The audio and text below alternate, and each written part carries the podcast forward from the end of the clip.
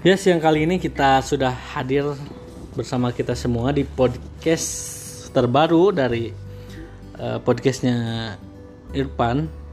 Ini sudah mengundang narasumber yang luar biasa hits nih di akun Instagramnya yang menawarkan eh, konten-konten bahasa Inggris yang sok gitu ya. Meskipun ya publik-publiknya orang-orang kampung semua gitu kan.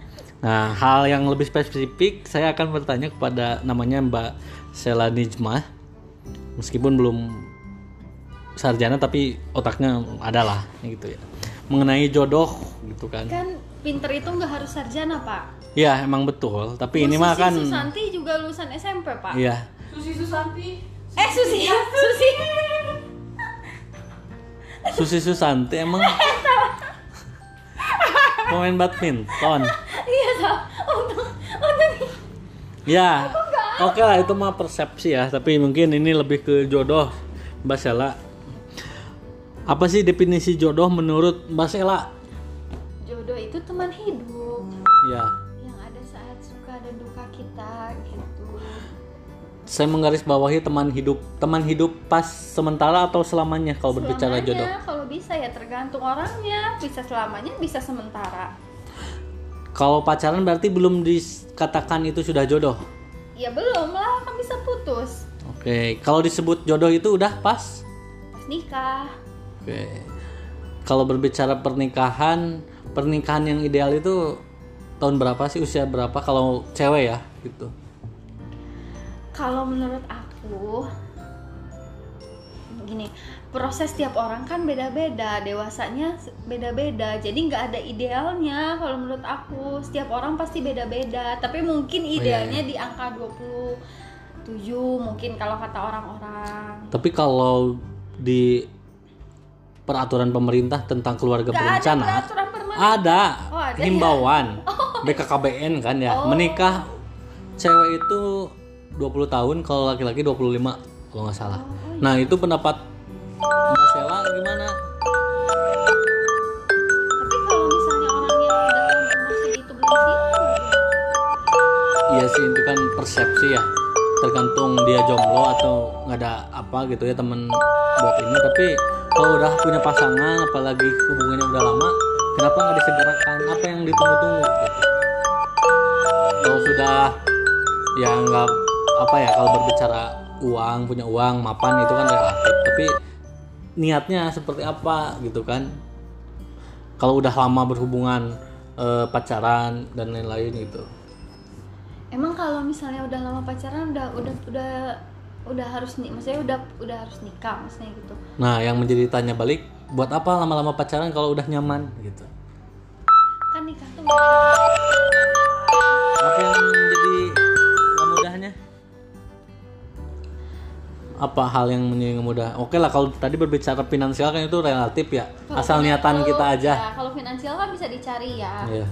Tapi kan kalau misalnya nikah itu ya pokoknya menurut aku nikah itu nggak gampang. Hmm, karena kita itu hidup dengan orang yang pola didiknya pasti beda dari keluarga yang berbeda pasti pola didiknya beda dong Oke. pandangannya beda dong nah berarti kan harus banyak penyesuaian tuh. Nah kadang proses pacaran yang lama pun belum tentu eh, udah bisa nerima gitu udah menerima si sikap itu si pandangan itu gitu. Terus Tapi kalau berbicara usia kan terus bertambah nih. Apakah tidak takut ke usia nantinya malah mungkin banyak orang yang 30 tahun ke atas nantinya udah males-malesan gitu. Misalkan nikah nanti aja lah nanti aja. Seperti siapa? Mungkin seperti itu mungkin kebanyakan ada ya. Itu yang lain gitu kan. Nah apakah nggak kepikiran ke sana nantinya malah males buat nikah dan lain-lain? Kalau aku sih emang males sih enggak kalau aku pribadi males sih enggak Mm-mm. tapi masih harus mempersiapkan diri untuk nikah gitu loh. Karena kan nikah itu kita harus ngurusin anak orang. Ya Nah, yang kedua- belum siapnya mbak Sela apa? Kalau masak udah bisa kan? Bisa tapi kan nyuci melayani eh, lahir batin lah gitu kan.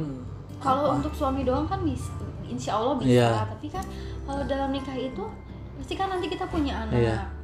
nah kalau misalnya menurut aku sih ya kita tuh punya anak itu nggak nggak mudah. Jadi kalau punya anak itu kita harus bukan mengajarkan gitu tapi jadi contoh buat si anak itu karena si anak itu akan lebih mudah ketika dikasih contoh ketimbang diajarin nah jadi kalau misalnya kitanya belum bisa jadi contoh yang baik tuh aku khawatirnya nanti pas punya anak anak aku tuh tidak lebih baik dari aku gitu kan kita Hmm. kan aku tuh pengennya generasi aku nanti tuh lebih baik lah daripada aku gitu. Maksudnya yang lebih baik tuh yang sekarang Sela yang sekarang nanti di-upgrade jadi ustazah atau apa gitu maksudnya? ya kan lebih baik itu nggak harus ustazah Apa maksudnya? tapi kan Kelakuan iya apa dari gitu. kelakuan aku kan orangnya emosian berarti Hmm. kan aku harus sabar nih nanti kalau ngedidik anak dengan aku sabar berarti nanti anak aku jadi oh iya mama aku sabar ya berarti aku juga harus Iya. jadi orang sabar ketimbang aku ngajarin anak aku sabar ya nak tapi aku nggak sabar kan nggak akan jadi juga tuh Betul, anak betul. sabar Tapi sebelum jauh-jauh ke anak ya, kan ini persepsinya ke pasangan dulu nih ya. Kenapa nggak dijalani dulu untuk adaptasi dengan pasangannya untuk setelah nikah itu? Ya oke lah, nanti ada cluster untuk punya anak, punya apa pun yang itu. Nah, kenapa nggak berpikir ke ya kita klop dulu aja selama menikah itu dengan pasangan yang kita merencanakan visi apa ke depan gitu.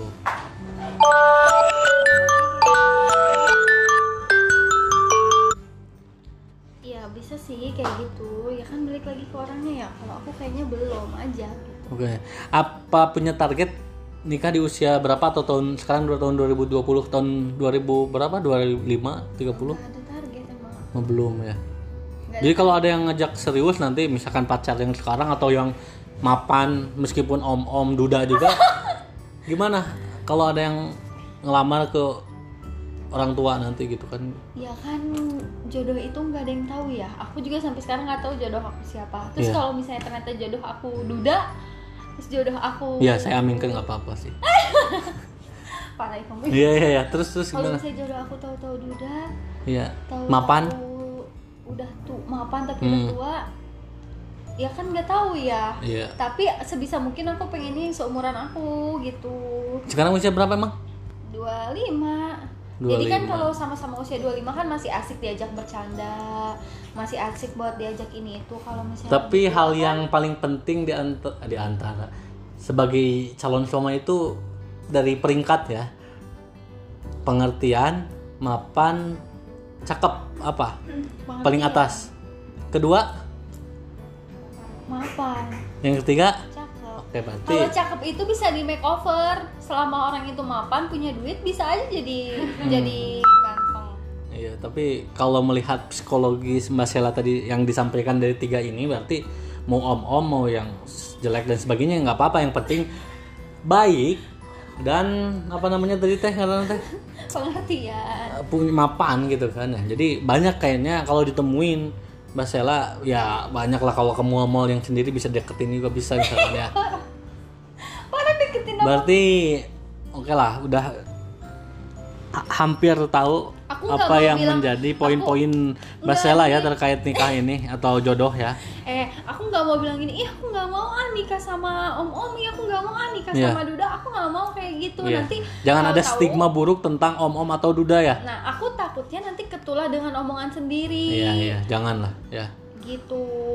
So, Tapi harapannya kalau memang dijodohkan emang oke aja ya nggak apa-apa ya. Dijodohkan atau Jo- kalau- jatuh cinta? jodohnya gitu oke-oke aja kan ya sama Iya. om-om misalkan yang 35 tahun ke atas juga nggak apa-apa gitu ya Iya kalau emang itu jodoh aku ya Oke. aku terima tapi sebisa mungkin yang seumuran aku. yang belum nikah Iya. oh iya, iya. Masa aku jadi istri kedua? kalau berbicara istri kedua siap atau tidak siap tapi Enggak. adil cowoknya itu Nggak mungkin ada yang adil cowok itu punya istri kedua. Kenapa kan biasanya istri kedua lebih diperhatikan karena mungkin bi- biasanya yang lebih muda oke lebih mungkin segar dan lain-lain gitu kan Misalnya aku jadi istri kedua nih. Iya. Terus Em, misalnya aku jadi istri kedua Kang Irfan. nggak mau jangan bawa-bawa saya saya mah Misalnya, cowok oke, setia oke. sampai dunia akhirat Misalnya, misalnya Iya. aku jadi istri kedua nih. istri kedua Terus? Pak Asep lah Amit amit, Iya. astagfirullahaladzim. Terus terus siapa tuh misalkan si Pulan misalkan Nah, misalnya aku jadi istri kedua nih. Terus misalnya perjanjiannya tiga hari di di istri pertama tiga hari di aku Iya. misalnya gitu pokoknya ka- eh, rabu kamis Rata kan di itu, aku. ya. Nah, rata kan tiga tiga hari satu harinya dia terserah di mana Oke. misalnya gitu biar adil nah terus tahu-tahu pas hari seninnya aku lagi kangen-kangennya sama dia misalnya gimana aku lagi pengen sama itu dia masih lebih ke teknis menurut saya ya kalau misalkan lagi santai sih suaminya sih nggak apa-apa balik ke rumah yang kedua ya. Tapi itu mah teknis. pertamanya mengerti nggak? ya asal duit mah sekalinya selesai. Oke berarti lebih ke perhatian mungkin kalau dijadikan istri kedua ya mbak Sela ya. Pertanyaan terakhir ini sebelum ditutup karena waktu ini kita tidak banyak karena masih ada segmen-segmen yang lain yang akan ditawarkan. Apa sih eh, menurut mbak Sela apa yang terjadi pada pernikahan muda yang banyak di Indonesia ya, yang dalam tanda kutip tidak wajar ya. Apa contohnya apa ya bahasa kerennya itu nikah di luar Hah?